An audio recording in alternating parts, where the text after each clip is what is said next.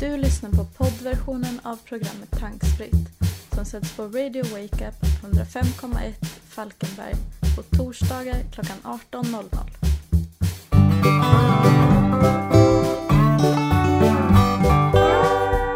Klockan har blivit runt sex och du lyssnar på Radio Wake Up 105,1 och programmet Tankspritt. Där vi idag kommer att eh, diskutera lite bitcoin som vi lovade förra veckan. Vi kommer att prata lite mer om artificiell intelligens. Varför inte ta upp nätneutralitet? Lite säkerhet och sen så vet jag att dagens gäst har lite funderingar och tankar runt den nya iPhone X eller iPhone 10. Vi sätter igång en låt först och främst och sen startar vi programmet.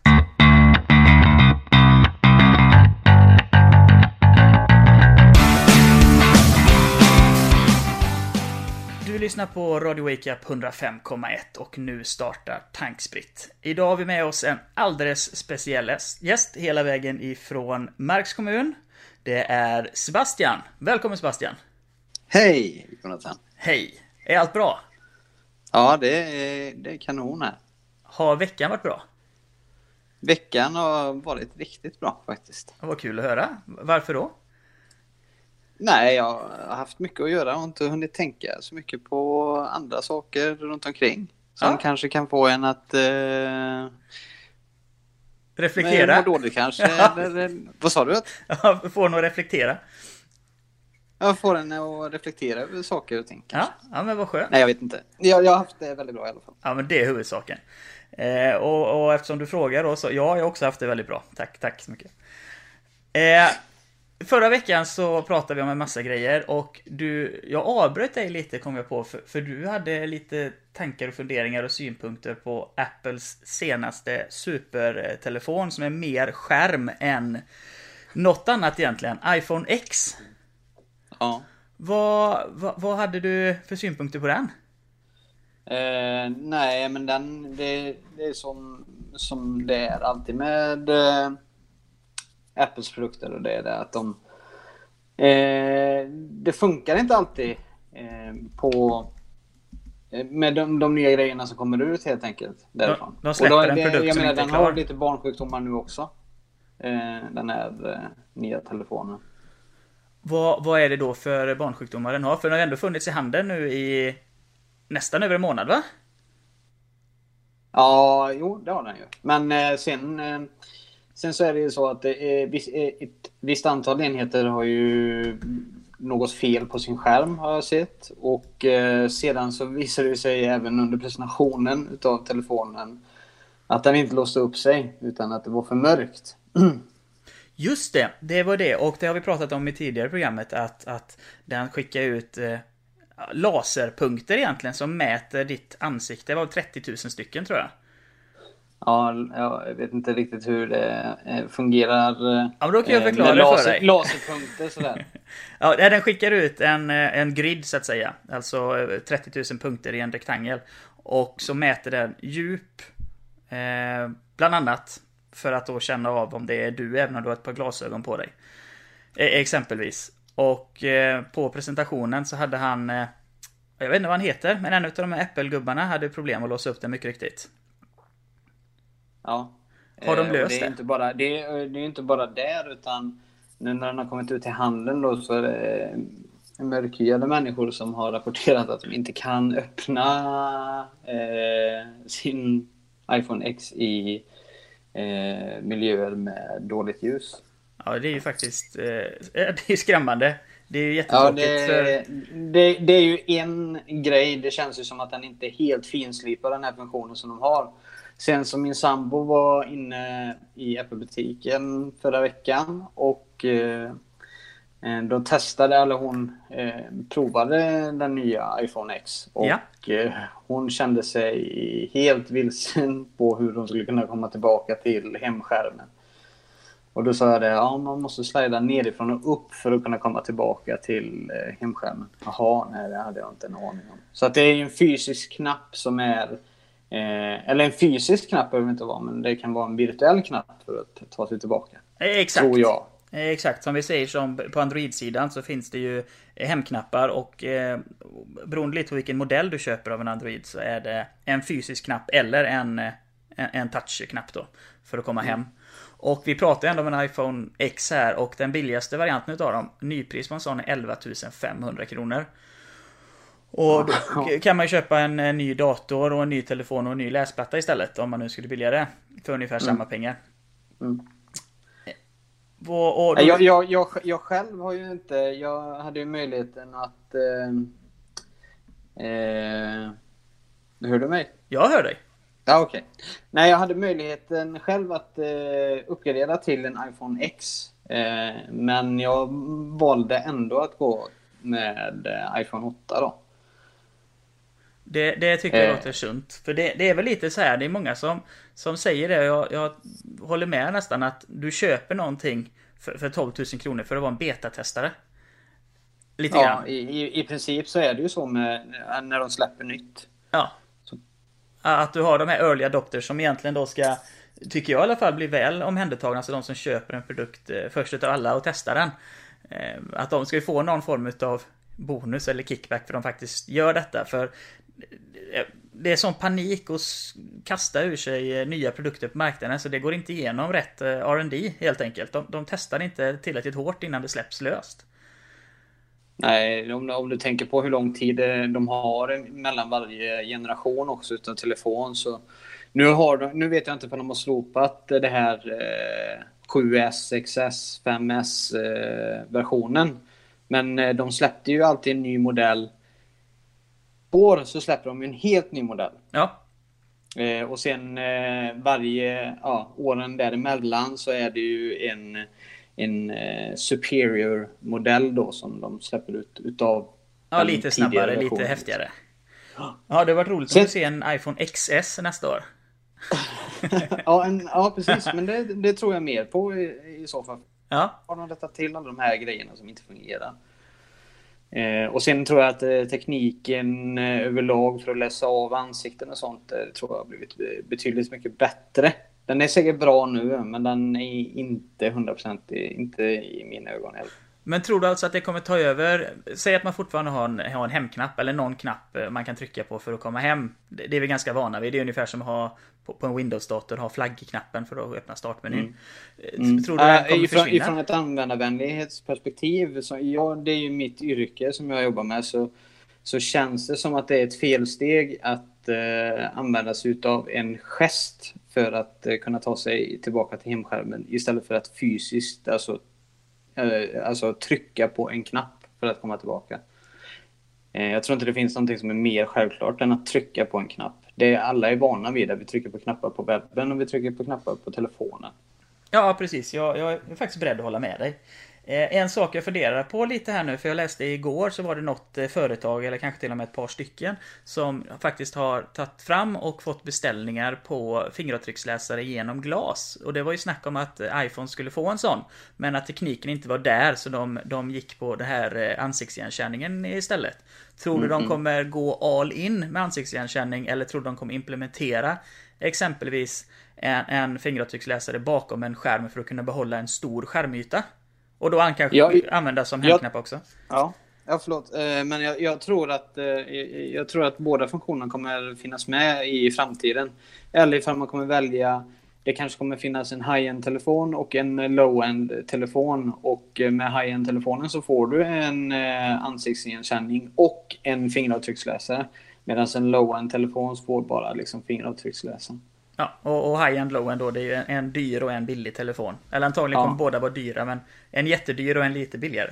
Ja, precis. Ja, precis. Och det här med att ha fingeravtrycksläsare på skärmen, jag tycker det är en ganska fräck grej. Och, och du är ju van, du har ju bara haft eh, iPhone-produkter, så du har ju alltid din fingeravtrycksläsare längst ner på hemknappen, sen iPhone 5S. Ja. Eh, Medan jag då som, som är lite otrogen när det gäller mobiltelefoner, jag har ju min just nu fingeravtrycksläsare på baksidan. Och, mm. och, det funkar ju bra med. Varför har inte Apple gått den vägen? Är det för att de tycker det är fult eller de vill inte vara som andra? Eh, jag tror att de stöter på ett problem eh, tillsammans med sin trådlösa laddning för att eh, få in fingeravtrycksläsaren på baksidan. Och sen så har de ju ett från investerare och liknande att de måste komma på innovera med nya liksom, funktioner och så vidare. Och då tror jag att de övervägde att eh, ifall de skulle lägga tid på att eh, få både fingeravtrycksläsaren och den här trådlösa laddningen att eh, fungera, alltså eller få plats i telefonen helt enkelt på baksidan. Eh, så övervägde de nog till att eh, använda den nya tekniken istället. Okej, okay. mycket bra svar. Får jag säga. ja, det, är min, det är vad jag tror i alla fall. Och om vi pratar om lite andra funktioner, för att nu är det så, Apple är aldrig först på bollen, men de brukar göra det bäst. Och ibland är de mm. först på bollen också givetvis. Eh, och då tänker jag på exempelvis ja, fingeravtrycksläsare. Det blev, slog igenom hårt när Apple hade det, även om andra hade det sen innan. Eh, mm. Vi har telefoner som nästan är mer skärm än telefon. Eh, Apple, mm. Även om iPhone X har sina brister så är det ändå en ganska snygg produkt. Eh, som behöver lite mer genombearbetning. Trådlös laddning har funnits ett bra tag också. Mm. Eh, vad, vad, tror vi om eh, någonting Samsung gjorde som egentligen har gått under radarn helt. Och det är att du tar en, en Samsung utav det senaste flaggskepp, kommer jag ihåg modellen. Eh, så dockar du den med en skärm. Eh, exempelvis då att du dockar den där samma uttag som du laddar din telefon med. Och så får du en, i det här fallet då, en Android Desktop-upplevelse. Där du kan använda mus och tangentbord. Så du har din mm. mobil, den funkar som mobil. Men så sätter du in den i en dataskärm eller en, en skärm. Och så blir ja. det en dator. Tror du Apple kommer göra något sånt också? Ha något mellansystem för det känns som att iOS håller på att bli lite mer desktop när det kommer till deras iPad exempelvis. Multitouch mm. och så vidare. Eller så, äh, multitasking. Ja. Nej, eh, jag vet ifrån en... Eller jag har sett en intervju med Steve Jobs och Bill Gates. Ja, Steve Jobs är det bara som sitter eh, på någon sån här eh, teknikintervju. Och eh, eh, då pratar de om just med iPads och så vidare. Och då nämner han bland annat att eh, iPhonen var ju inte först den var inte den som kom först eh, egentligen. Nej. Utan den utvecklade de... Eh, eh, de utvecklade ju den och tillverkade den eh, egentligen eh, efter iPaden. Så iPaden var den första produkten men de lanserade inte iPaden förrän senare. För att marknaden eh, fanns inte där utan det var tid att revolutionera telefonen. Mm. Och då pratade de lite om vad, vad tanken är egentligen med iPad och och så. Och då pratar Steve Jobs bland annat då att hans vision med iPaden är att eh, det ska bli en dator, för det är ingen som kommer ha en laptop i framtiden. Han menar på då att man använder sig av en skärm eh, som kommer vara väldigt lätt att bära med sig och inte är så här stor och bulkig då. Så att eh, det tror jag är eh, tanken på deras framtida resa i alla fall.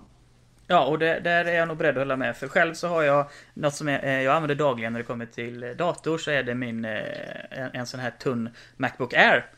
Och den mm. är ju från 2011 så den är alltså 6, snart 7 år gammal. Funkar ja. jättebra. Det är inte den häftigaste maskinen. Men den funkar väldigt, väldigt bra. Eh, till Youtube och surf och skriva och arbeta på.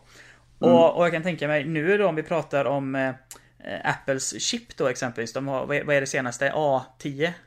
A10 ja. Ja, och det är ju deras, eh, deras processor, deras hjärna i. Och, och jag, det, de, de är ju snart, om de inte redan är jämförbara och bättre än vad jag har i min, eh, min Macbook Air. Jo, det, så, är det, eh, så är det nog. Jag tror att som på iPad Pros till exempel så är ju jag tror kraften som är i dem är ju likvärdiga med vad deras vad Macbook Air är idag. Mm. Tror jag. Ja, det är helt eh, fantastiskt. Så att eh, vi kanske då inom snart har en allt ett maskin som eh, gör olika saker beroende på i vilken miljö den är i, så att säga. Mm, mm, mm. Väldigt fräckt. Eh, sen så tänkte jag att eh, vi, vi, har ett... Eh, någonting vi har lärt oss. Något nytt vi har lärt oss sen sist. Det kan vara en stående programpunkt tänkte jag, kan vara lite roligt.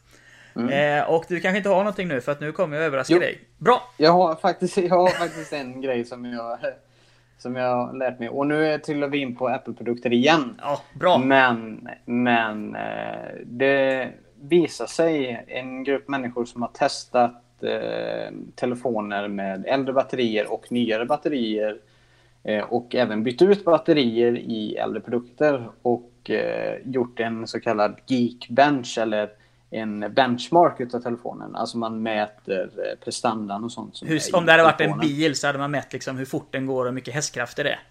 Ja, ja precis. Och eh, då visade det sig då att eh, med, en, med ett gammalt batteri i en gammal produkt så eh, var, då var det ju rätt dåliga eh, värden som den fick. Processorn bland annat då, hjärnan som du kallar den. Eh, den presterade inte bra med det gamla batteriet. Och sen så tog de samma enhet, bytte ut batteriet och satte i det Eh, och eh, helt plötsligt presterar han extremt mycket bättre. Det är ju så... helt otroligt. Ja, och, eh, men saken är det att det startades en debatt runt omkring det här nu då. Uh ifall det är så att Apple medvetet gör så att batteriet efter en tid kommer bli sämre. Därav att du köper en ny telefon. Och det är ju inte konspiratoriskt att... för det kan de ju styra med mjukvara. Ja, absolut. Men sen eh, med tanke på... Jag tror inte att det är mjukvara utan jag tror att det är hårdvarumässigt som, det, som problemet är. Och det är därför de har gått åt det hållet att man inte kan byta batterier i telefonen utan de, de inkapslar ju hela batteriet i telefonen. Ja. Så att det, det, som du måste göra det är att du går, och by, äh, du går till en butik och antingen byter batteriet eller att du får en, ja, de säljer på dig en helt ny telefon istället. Så du menar alltså att, ponera att jag köper en, eh, en iPhone för två år sedan, det senaste som fanns. Vad har vi då? iPhone 7S va? Eh, eh, nej, 7 blev det till och med. iPhone 7 ja. Ja, och så har den i två år, tycker den är för jäkla trött. Så kan jag gå till en auktoriserad verkstad och eh, i teorin och byta batterien och så kommer den kännas rappare, alltså snabbare och lite bättre. Ja. Inte, eller likadan som eh, jag köpte den. Eh, det är precis, eh, samma prestanda som den hade när du köpte den. För, för grejen är det att eh, iOS i, i all sin värdighet, den det tar inte så mycket kraft eh, som telefonen har. Telefonen har mycket mer kapacitet än vad eh, operativsystemet kräver mm. idag. Eh, så jag skulle säga det att all, alla, alla telefoner från iPhone 6 upp, ja, upp till dagens telefoner då. Yeah. Eh, ifall man byter batterier på en iPhone 6 så kommer den kännas extremt mycket rappare än vad den har gjort när du köpte den. Ja, det var ett jättebra tips. Ja, vi avslutar här innan vi tar låt om detta så ska jag berätta vad jag har lärt mig också. Inte alls så häftigt som du har. Eh, vi kör lite musik och så är vi alldeles strax tillbaka.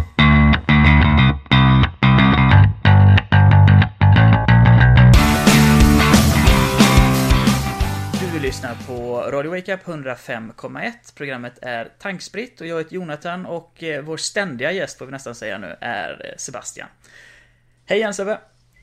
Tjaba! Innan vi tog låt så kom du med den här bomben, någonting nytt du har lärt dig denna veckan. Och det var ju att eh, i teorin byter du batteri på en två år gammal iPhone till ett nytt så kommer den prestera lika fräckt som den gjorde när den var ny.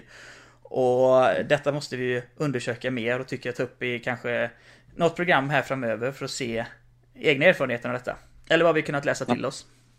Absolut. Eh, jag har också lärt mig något nytt denna veckan och det har också med batterier att göra men på ett negativt sätt. Jag såg på vår kära Facebook så var det sån här riktig skrämseldelat inlägg som har delat typ 9000 gånger. Och, och det var någonting att ladda aldrig telefonen i sängen. Så var det så en bild på överkastet, det var brännmärke. Mm. Och då var det någon, någon mamma som hade sin son, vad som framgick, som hade laddat eh, telefonen och haft kudden över och eh, då hade det liksom bränt. Det har inte börjat brinna, men det hade börjat eh, blivit bränt. Mm. Och det framgick inte vad det var för telefon eller någonting. Och jag skulle bara säga att kanske inte ska lägga en telefon under en kudde, men i min värld så är detta bullshit. Om du mm. använder originalladdare som är avsedda för att ladda en produkt mm. så ska det inte finnas någon risk. Däremot om du går och köper på säg Wish, det är väldigt populärt nu. Om du köper 10 laddare för 100 ja. spänn. Ja, det är, mm. även om det står original och det är CE-märkning på det. Det är fake, fake, fake och de är totalt livsfarliga. Mm. Så det jag har lärt mig denna veckan det är att köp inte billiga laddare för då kan det börja brinna i sängen.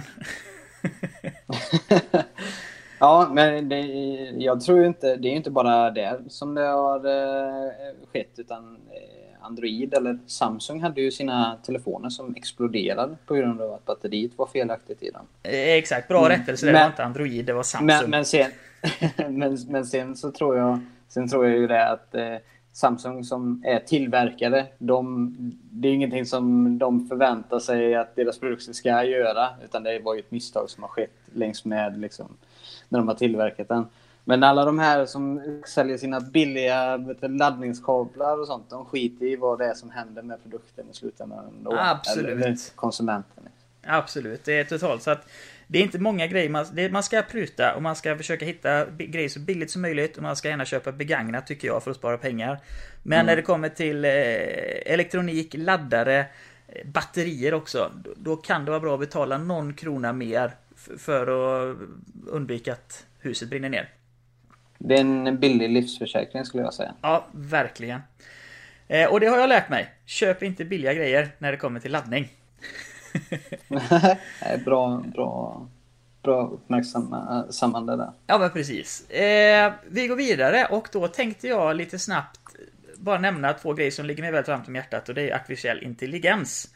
Eh, och då är det så att både Nvidia Känner du till? Det är ju de som tillverkar eh, grafikkort, är de väl mest kända för? Eh, ja, precis.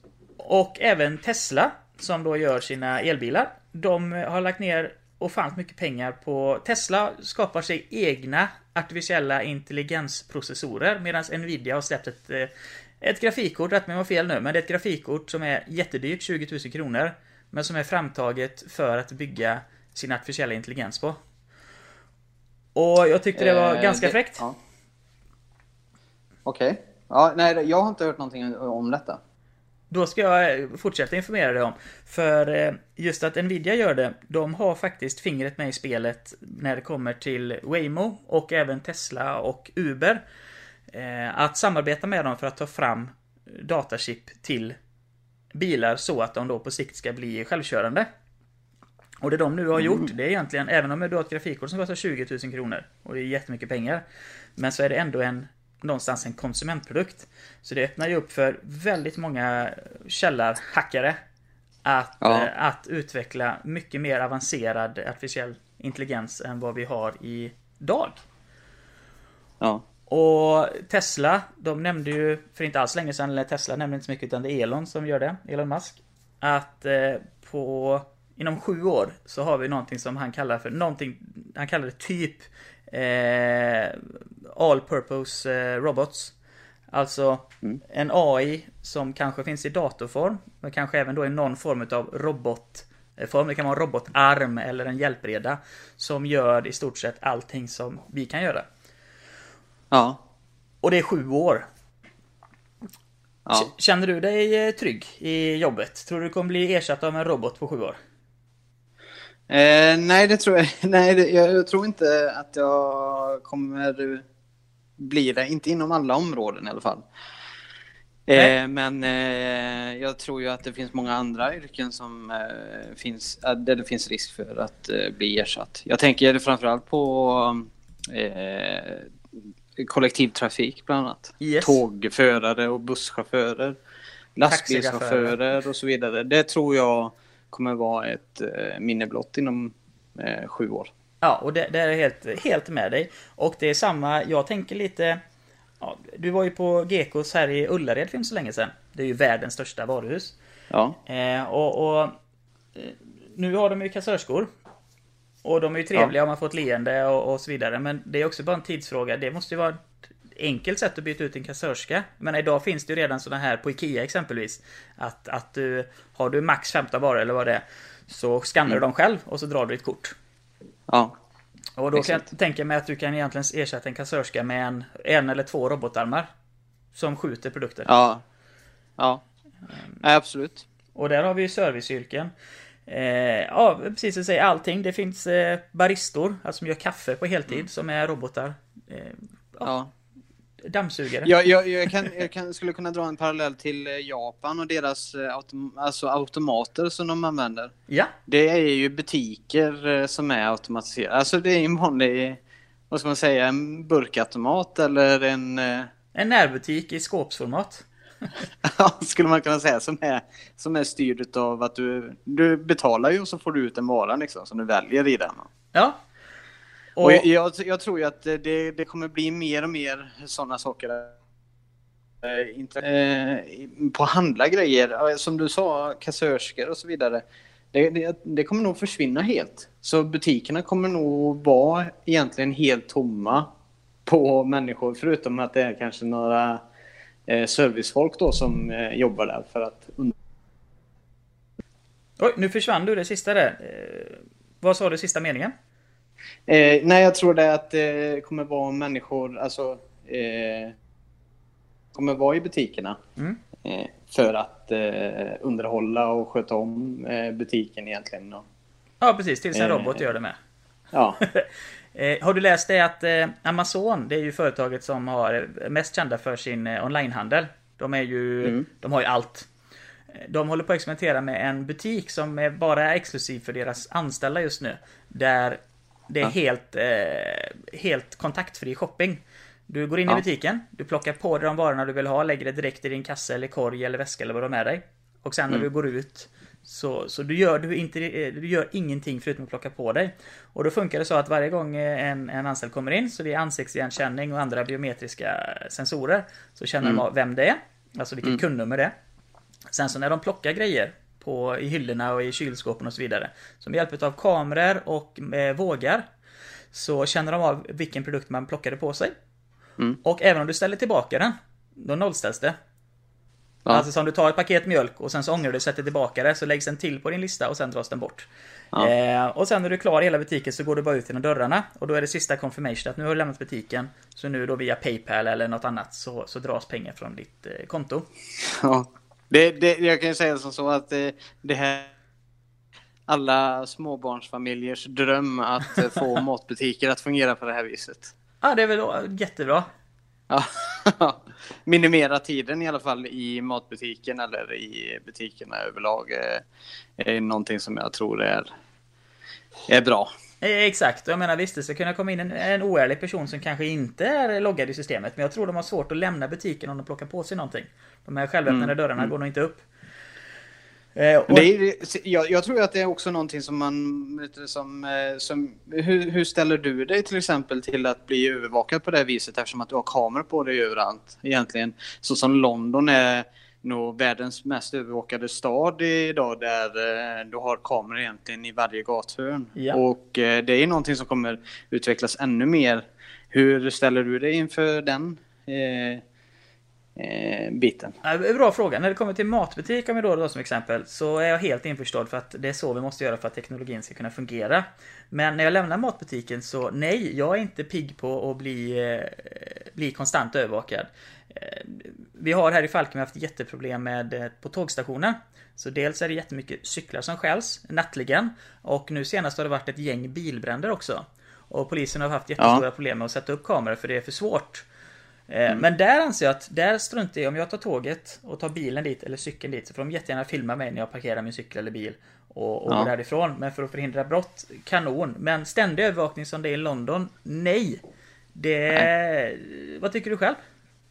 Eh, nej, jag, jag, jag, har ju en annan mening till det. Jag, jag känner mig faktiskt mer trygg i eh, att övervakningen är där. Men sen så kan du, kommer ju till eh, det här talesättet eh, Vem eh, vaktar väktaren? Mm, precis, bra. Och, och eh, men jag tror att jag som individ skulle känna mig tryggare på ifall jag visste att om det skulle hända mig någonting här ikväll så finns det eh, förmodligen videobevis eller liknande eh, på, som kan ta fast den här eh, personen då som antingen rånar mig eller ännu värre eh, misshandlar mig eller eh, mördar mig till Ja, ja precis. Eh, ja, på den, eh, på den punkten har du rätt. Och sen så är det väl så med att nu kommer vi över, än en gång, koppling till AI. Att, att övervakning kommer nog inte ske utav fysiska människor som sitter och kollar 24-7. Utan Nej. det är artificiell intelligens som eh, kommer att övervaka. Och då exempelvis säger då att du, du är ute och så, så rånar någon dig. Eh, mm. Kanske ingen som aktivt kollar just då men så fort du gör en anmälan eh, eller en anmälan tas upp så matas det in mm. i en artificiell intelligens som går tillbaka baserat på vart det var det hände och följer tjuven både dit till när rånet skedde och vad som hände efter. Ja.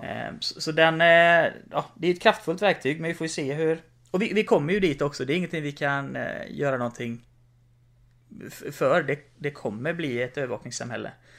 Även om det inte sker med kameror så kommer det ske elektroniskt med, via våra telefoner och datorer och andra saker som kan spela in ljud och bild.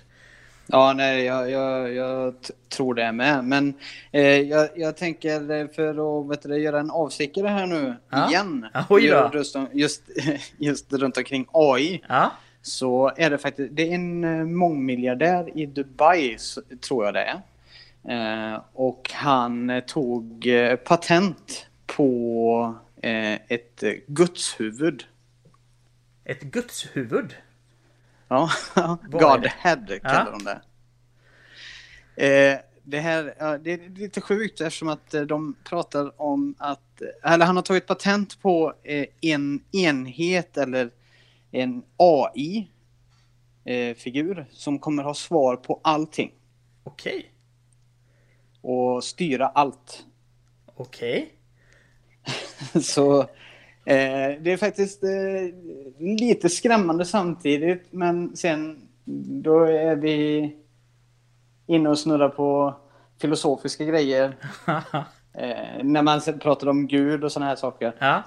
Men eh, han menar på det då att det ska vara ett ställe för samtliga, även rådgivning, eh, eller ifall det är, du har frågor eller vad, vad, du ska göra med livet eller ja, och så vidare. Det finns Alltså du kan fråga den här eh, AI vad som helst och den kommer ha svar på dem. Kommer den vara länkad till Wikipedia?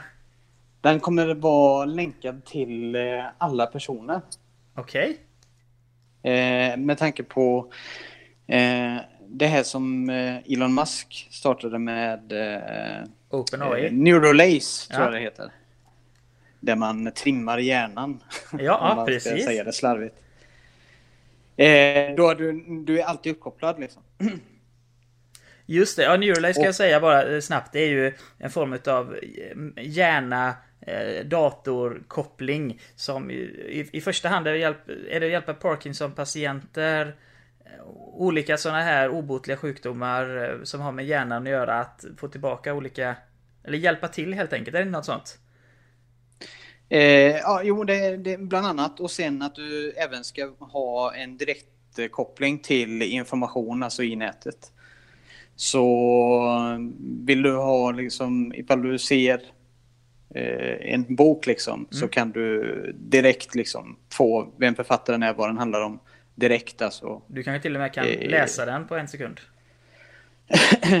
ja, det, man vet inte var, var, var det kommer hamna någonstans. Men, men eh, det är ju på gång liksom. Och Elon Musk har ju själv sagt det att inom fem år så kommer man ha en interface eller ett gränssnitt där man kan se ifall man har det här implementerat i hjärnan så kommer det finnas ett gränssnitt som du kan se med dina ögon. Det låter så surrealistiskt så att jag...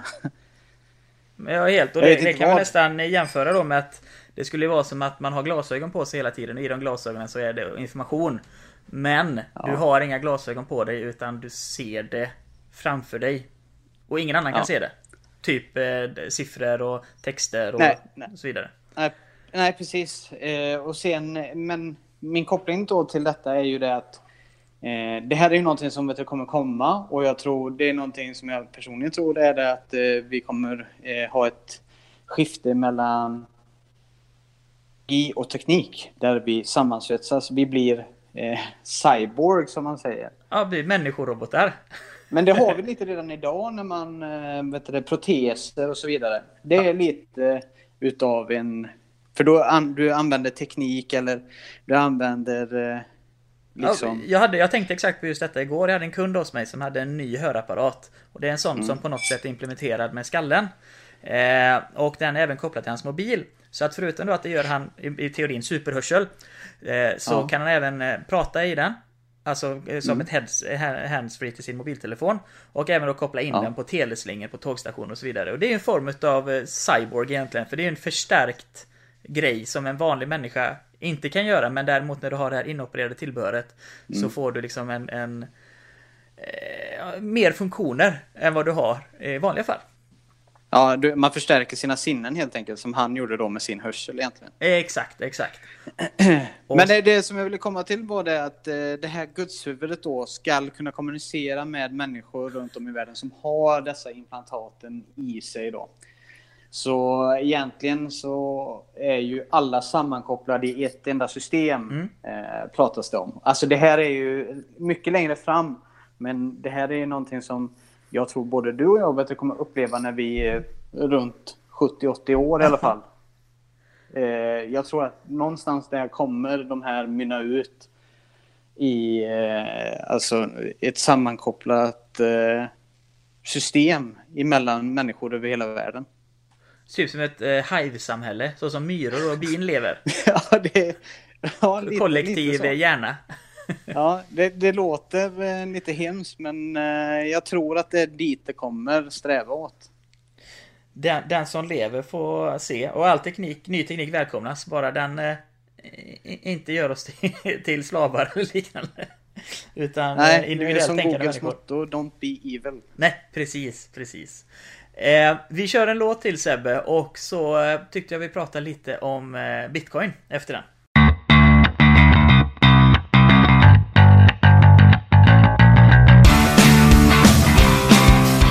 Och välkomna tillbaka! Du lyssnar på Radio Wakeup 105,1 i Falkenberg.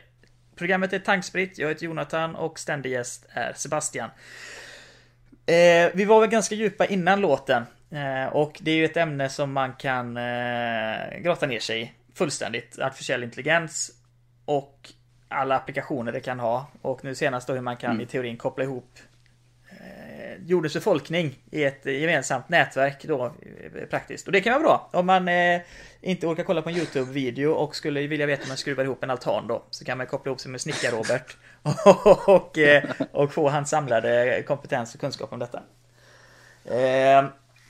Eh, nu ska vi prata om något lite lättsammare, Bitcoin. Och, eh, och jag fick ju ett uppdrag utav dig. I- Uppdrag var det inte, men du hade en film du tipsade om. Och eh, den eh, skickade du till mig. Det var ett klipp på YouTube. Och eh, du hade nog missförstått den lite. För det, det var ingen, utan detta var en, en så kallad ICO, alltså en eh, Initial Coin Offering. Och det betyder en initiell eh, mynthandel. Eh, handel. Mm. Och eh, då är det så här. De hade liksom en idé, just det företaget du skickade, den organisationen, de var ju väldigt mycket för välgörenhet. Ja. Och eh, Ja. ja, ville sprida fred och kunskap eh, och rädda människor. Så det var en väldigt fin organisation. Mm. Och de gick ut med en sån här ECO och det betyder egentligen att du kan eh, med riktiga pengar eh, köpa in dig. Så säg att du har 100 kronor och så betalar du 100 kronor till dem. Ja. Och då får du 100 mynt tillbaka, elektroniska mynt som inte finns på riktigt då. Eh, typ som bitcoin. Och eh, tanken var ju då att, deras tanke var att det var två, två, tvåstegsraket egentligen, för dels så får de in kapital den vägen. För att hjälpa utsatta och, och driva och uppnå sina mål. Mm. Och nummer två så eventuellt så kan ju det här eh, elektroniska myntet eh, få ett ökat värde beroende då på hur bra de gör sig eller vilken tillgång som ligger i, i bak, bakom detta då. Eh, Så det var en, en bitcoin-modell. Och så skrev, de sa ju det lite skämtsamt också att detta är fake, det är bluff och båg. Och det var ju för att eh, de var väldigt eh, upfront med att eh, det här är en väldigt stor risk du tar. Du kanske aldrig får se de här 100 kronorna du satsar, men du ska veta att de 100 kronorna du satsar, de kommer gå till, till att bygga den här skolan eller bota den här sjukdomen. Eh, så det var ett väldigt fint sätt. Men det de menar på är att de här 100 kronorna, att de kanske aldrig blir någonting, den här valutan, elektroniska du får i motprestation. Den kanske blir värd noll. Men den kan Ja. bli värd eh, två kronor styck istället för en krona styck också. Ja, så det var en väldigt fin, eh, fin grej. Och det är ju precis det som, eh, som bitcoin eh, är. Det började ju då för ja, drygt sex år sedan. Kan ha varit längre än då. Så, så började man liksom så här, det började dyka upp det här bitcoin. Och bitcoin grundades av en, eh, en herre, eller egentligen ett, ett eh, pseudonym. Man vet inte vem den egentliga grundaren är. Och det är Nej. ganska fräckt det. För eh, eh, tio år sedan så var det någon som köpte en pizza för 10 000 bitcoin. Och nu är en bitcoin ungefär 17 000 dollar. Så tar du 17 000 gånger 10 000 så får du se Ja. att, att det var en väldigt dyr pizza. Men det var ingen som hade en aning om det för 10 år sedan. Det var ju bara en rolig grej. Mm. Eh, Bitcoin är egentligen en konsekvens utav någonting som kallas för blockkedjan. Och blockkedjan som teknologi, det är egentligen det som är det revolutionerande i detta. Bitcoinen är en jävligt fräck grej, men blockkedjan som ligger bakom är, är det som är fräckt. Och i Bitcoins fall så funkar det så här. Eh, säg att du har en dedikerad dator, Sebbe, som Mm. är superdyr och superhäftig. Och den är en så kallad miner. Och en miner är ju då som en gruvarbetare. Jag ska förklara för man pratar om gruvor och gruvarbete i samband med Bitcoin alldeles strax. Din dator sitter och försöker lösa ett kryptologiskt problem, alltså ett matteproblem. Ja. Och när och om din dator löser detta problemet så blir du belönad med 5 bitcoins. Problemet du löser, det är någon annans transaktion. Så det vill säga att om jag ska skicka en bitcoin till någon, jag köper någonting på Blocket Ja. och den kostar en bitcoin, så skickar jag den till den här personen. Men det är inte som med Swish, att pengarna bara går från konto A till konto B. Utan någon måste lösa ett matteproblem för att pengarna ska kunna flyttas över. Och det är det du Ja. gör Sebbe. Och löser du matteproblemet så får du 5 bitcoins i motprestation. Mm. Men det är så- är, är, det, är det verkligen fem eh, bitcoins? Jag tror det sista jag läste på Wikipedia var 5. Eh, och det blir mindre och mindre bitcoins ju längre tiden går. Mm. Så att det liksom regleras hela tiden att när bitcoinen uppnår ett visst värde, eller ett visst antal rättare sagt, då kommer du få mindre prestation. Nu är det Okej. jättesvårt att lösa ett problem. För 10 år sedan var det jättelätt. Då kunde du ha en, en Ja. vanlig dator, din vanliga speldator som kanske inte var så häftig eller dyr, och låta den stå på dag och natt och lösa matteproblem. Och då fick du jättemycket bitcoin tillbaka. Nu är det mycket vanligare att folk går ihop med sina häftiga datorer i en så kallad eh, mining pool, alltså en, ett gruvarbetarlag som alla står och försöker lösa matteproblem. Och säg Ja. att man är att du är tillsammans med 99 personer. Så om någon utav er 100 löser nästa bitcoinproblem, då delar ni vinsten på alla 100. Ja, just det. Så det är det mest eh, vanligt förekommande. Nordkorea, tror det eller ej, sägs ha jätteställen, lager med, med eh, datorer som löser bitcoinproblem. För det tjänar de ju pengar på. Men det kan man aldrig se, Ja. det går inte att spåra bitcoin. Nej. Och det som är fräckt med en bitcoin, nu säger vi att du har tillverkat en bitcoin, eller du fick ju det för att du löste det här eh, kryptoproblemet. Mm. Då är den tillverkad och då skrivs det in. Typ nu då, Sebastian är lika med en bitcoin. Och då skrivs det in på en, eh, en, en kassabok. Men den kassaboken finns hos alla som gräver fram bitcoin. Så den går inte att förfalska.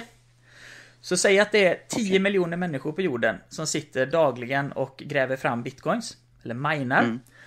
Då finns det alltså 10 miljoner exemplar av samma kassabok. Som i realtid uppdateras. Och det betyder att jag kan inte säga så här att om jag säger att jag är jätteduktig datahacker. Så kan inte jag kopiera en bitcoin och klistra in. Och Nej. säga nu har jag två. För att då står det i en bok står det ja du har två. Men i de andra 9 999 999 böckerna. Då Ja. står det nej du har bara en. Ja. Så det går aldrig att manipulera systemet. Du kan stjäla bitcoin, du kan lura folk på bitcoin. Men du kan aldrig tillverka dem, utan det enda du kan göra det är att gräva fram eh, mer bitcoins. Och det finns, kommer att finnas 21 miljoner bitcoins. Nu är det 18 tror jag. Okej. Och anledningen till att det bara kommer finnas 21 miljoner bitcoin, det är för att det ska fungera som guld, är tanken. Att guld finns ju på jorden. Och det finns ju Ja. ett begränsat antal. Sen om det finns en miljard ton eller 100 miljarder ton, inte en aning. Men guld finns ett, ett visst antal. När sista guldbiten är utgrävd ur jordskorpan, då finns det ingen guld kvar. Mm. Och guld är ju dyrt för att det är en sällsynt mineral, eller metall. Ja. Och sen har den givetvis applicering i högtalarkablar för att inte det ska vara något motstånd. Som smycken, som ringar. Vi har ju, vi, tack vare människan då så anser vi att det finns ett värde i guld. Och guldpriset går ju upp och ner beroende på dels olja och dollarkurs. Men ju mindre guld det finns att, att få tag på, ju dyrare blir guldet. Om allt guld Ja. på hela jorden skulle stjälas av en mästertjuv förutom ett kilo eh, guld i en kub någonstans. Då kommer det, det kilot vara värt hur mycket som helst. För det är liksom det enda som är kvar på jorden. Allt annat eh, har någon annan snott och skeppat iväg till Jupiter. Mm. Eh, samma sak är då tanken med bitcoin att du kommer upp i 21 miljoner bitcoins. Sen kommer det aldrig kunna tillverkas något mer och därför kommer de få ett högre värde. Så det är därför det rusar nu. För i... det är så sjukt. Köpte du bitcoin förra året vid den här tiden så betalar du inte 1000 dollar för en bitcoin. Det har alltså gått upp 17 gånger på 12 månader. Och Ja. det är helt, helt sjukt. Men det har också att göra med att vanligt folk som jag och du har fått upp ögonen för det. Eh, Det finns folk som belånar sina hem för att köpa bitcoin.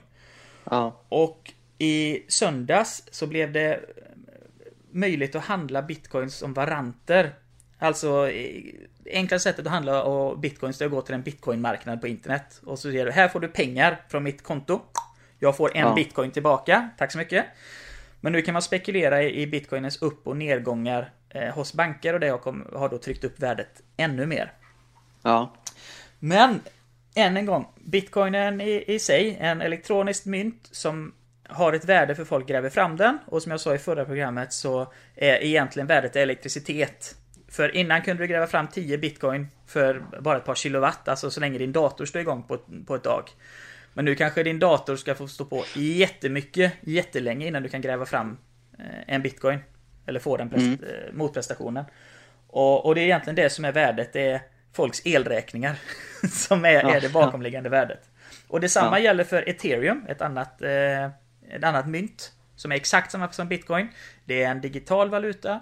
Och den har en blockkedja och folk gräver fram valutan för att lösa andras eh, matemat, matematiska problem. Och motprestationen blir att de får ethereum för att de löser ett matteproblem. Mm. Eh, och sen så finns det något som kallas för eh, eh, altcoins, alltså alternativa. Det är egentligen allting som inte är bitcoin, allt som inte är ethereum och så finns det en handfull till, eh, Ripple och bitcoin gold och så vidare. De kallas för Ja. altcoins, och det är allt annat. Det finns Dogecoin och Litecoin och Fanken och hans moster. Ja. Men det fräcka i detta då, det är blockkedjan. Och det var den jag beskrev innan, de här 10 miljoner papperna. Eller egentligen textfilerna. Som håller reda på alla transaktioner som någonsin har varit. Ja. Men det går inte att förfalska det. För då ska Ja, du hacka 10 miljoner datorer samtidigt. Mm. Det är den som är intressant för den här teknologin. För i teorin så kan vi människor ingå i en blockkedja. Från det att vi föds så skrivs våra uppgifter, alltså krypterat då givetvis, inte i, i, i klartext. Eh, våran vikt, längd, blodtyp, ögonfärg, hårfärg, allt, allt, allt, allt. Och sen så för varje läkarbesök man gör, eh, varje gång man går till apoteket, så fylls den här listan i. För att bli liksom en orubblig, sann lista på hela vårt eh, sjukhusliv. Exempelvis då. Ja. Ja. Och den ska då vara öppen för alla med rätt lösenord. För det är Ja. alltid tvåstegsautentisering. Det finns en, en eh, publik nyckel som alla har tillgång till. Och så finns det en Ja. personlig nyckel. Så om jag går till vårdcentralen i framtiden och säger hej du heter Jonathan och så identifierar man sig med någon hemlig kod. Och då låser läkaren upp med sin nyckel. Och sen så får jag pynta in min hemliga kod. Och då kan vi gemensamt se allting som har hänt mig. Varenda benbrott, varenda tand som har lossnat eller lagat. Allt, allt, allt. Eh, bilar, samma sak. Från när den tillverkas till du köper en begagnad bil på Blocket. Så finns all historik om den. Så även om förra säljaren inte erkänner att eh, ratten gick av eller motorn havererade så står allting eh, i den här blockkedjan. Så det är det som är det fräcka med det. Ja, okej. Att all, all information om allting finns tillgänglig. Eh, om man har rätt eh, behörighet och nycklar. Och, Häftigt. Ja, det, det är väldigt, väldigt häftigt. Så bitcoinen är egentligen bara en lycklig konsekvens. Den borde inte vara värd någonting. Eh, utan det är ju bara en konsekvens av en proof of concept. Alltså det här går, det är blockkedjor fungerar. Och blockkedjan, det är det som kommer revolutionera eh, världen. Eh, Själva den eh, tekniken då att ha en orubblig databas där du kan lagra vad sjutton du vill. Ja. Och blandar du då ihop detta med artificiell intelligens en gång till. Så tänk dig då att du har hårt krypterat, vi pratar alltså stenhårt krypterat. Eh, alla människor på jorden, eller väldigt många i alla fall, i en jättedatabas. Eh, det som en AI har tillgång till. Och så känner du liksom att du kanske får något konstigt utslag på foten. Inte vet jag. Eller du får någon feber eller någonting. Ja. Och så går du till, eh, till eh, doktorn och så skriver de in dina symptom. Och så tar all din historik tillsammans med miljarder andras historik. Och kan ställa en diagnos som är hundra gånger bättre än eh, en vanlig människa kan göra. Och kanske Ja. inte då för en vanlig förkylning. Eller om du stukat foten, det är ganska lätt att se. Men eh, tänk dig då ett svårare scenario. Du kanske har varit iväg på semester och så kommer du hem och så tror du du är förkyld. Och du har lite feber och så blir febern värre och värre. Och sen så slänger de in dig i databasen och sen så jämför de det med personer som också var på semester på samma område som du var under samma period som kanske också har insjuknat. Och där kan de Ja. hitta ett samband och då ställa en diagnos. Det är häftigt. ja, det är riktigt eh, häftigt. Ja. Eh, känner du... Vi tar bitcoin igen då. Känner du fått någorlunda bra grepp om det? Är det något som är oklart? Det känns som att det är rätt mycket att sätta sig in i. Eh, så jag tror att eh, den lilla stunden som eh, du har pratat här kommer inte vara tillräcklig för, för att greppa, tror Nej, vi får- det stora hela. Vi får ta upp det igen helt enkelt. Ja, jag tror det. Ja, jag tror det också. Men om vi säger så här. Att om man känner så att bitcoin, det pratar alla om, det ska gå att köpa. Gör inte det.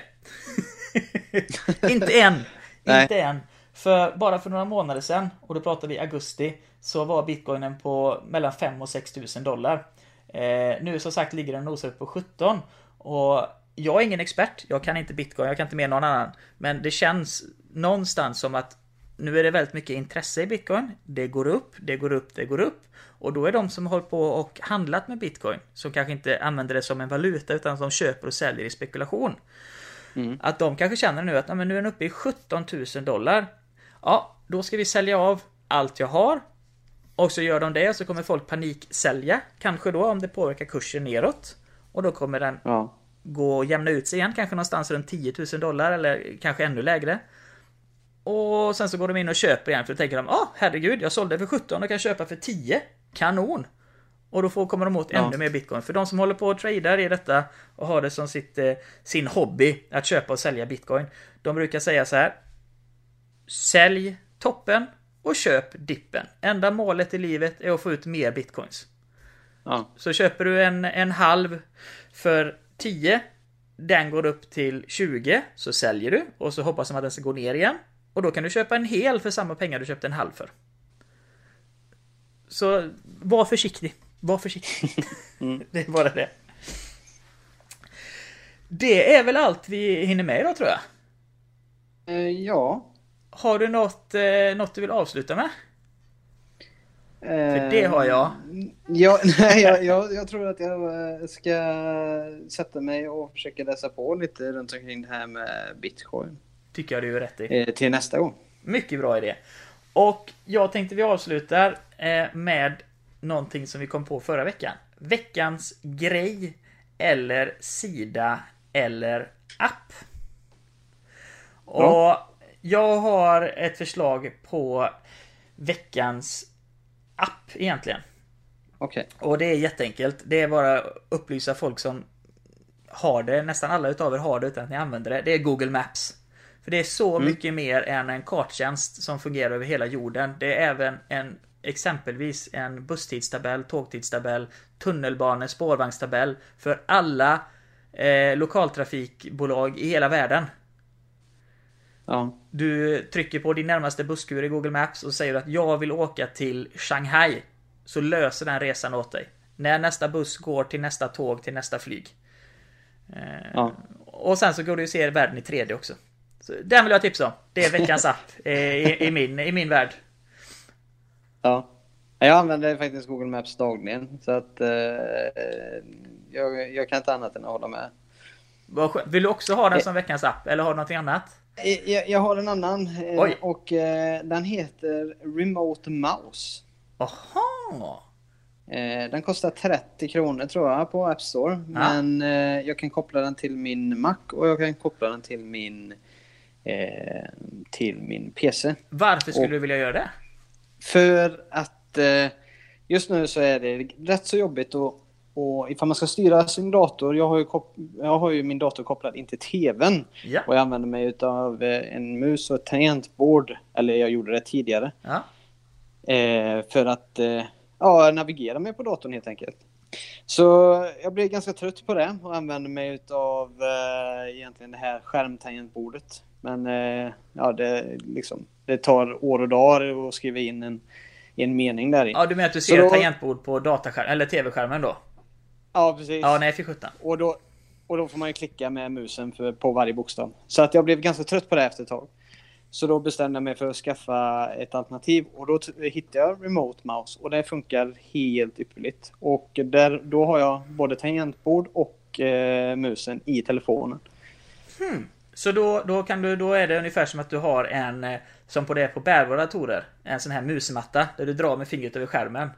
Ja, en trackpad skulle man kunna Ja, säga. så häftigt. Ja, det var bra. Och bara 30 kronor. Ja. Ja, och vad kostar en eh, datamus? Du, det är ingenting som du betalar månadsvis då. Utan det, det är bara en engångskostnad och sen kan du koppla den till hur många datorer och så du vill. Eh, Exakt, och gå till Kjell Company och köper en trådlös datamus så kostar den minst 100 spänn. Så det är en besparing hur den vrider och vänder på det. ja, precis. Ja, det var skit, det, skitbra den, är, den är enheten som du använder dagligen också. Det ska jag ladda ner. Mm. Det tackar jag för det tipset. Underbart! Vi rundar av här och så hörs vi nästa vecka igen tycker jag. Och då kommer vi bara finnas på nätet och finns vi inte på FM-bandet för Radio Wake Up tar lite vinteruppehåll i två veckor tror jag det.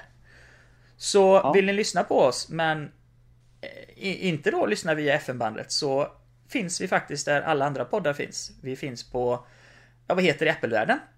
Podcaster. Eh, podcaster. Ja, vi finns på något som heter Soundcloud. Vi finns på TuneIn Radio. Vi finns precis överallt, så det är bara att söka på tankspritt och tryck på prenumerera. Så kan ni lyssna på oss även när vi inte sänds på FM-bandet. Kanon. Tack för idag Sebbe, allt lika kul att ha dig med. Detsamma. Ja, tackar. Ha det gött nu. Ha det gött. Hej. Hej. Och du har alltså lyssnat på Radio Wakeup 105,1 Falkenberg. Ha det bra.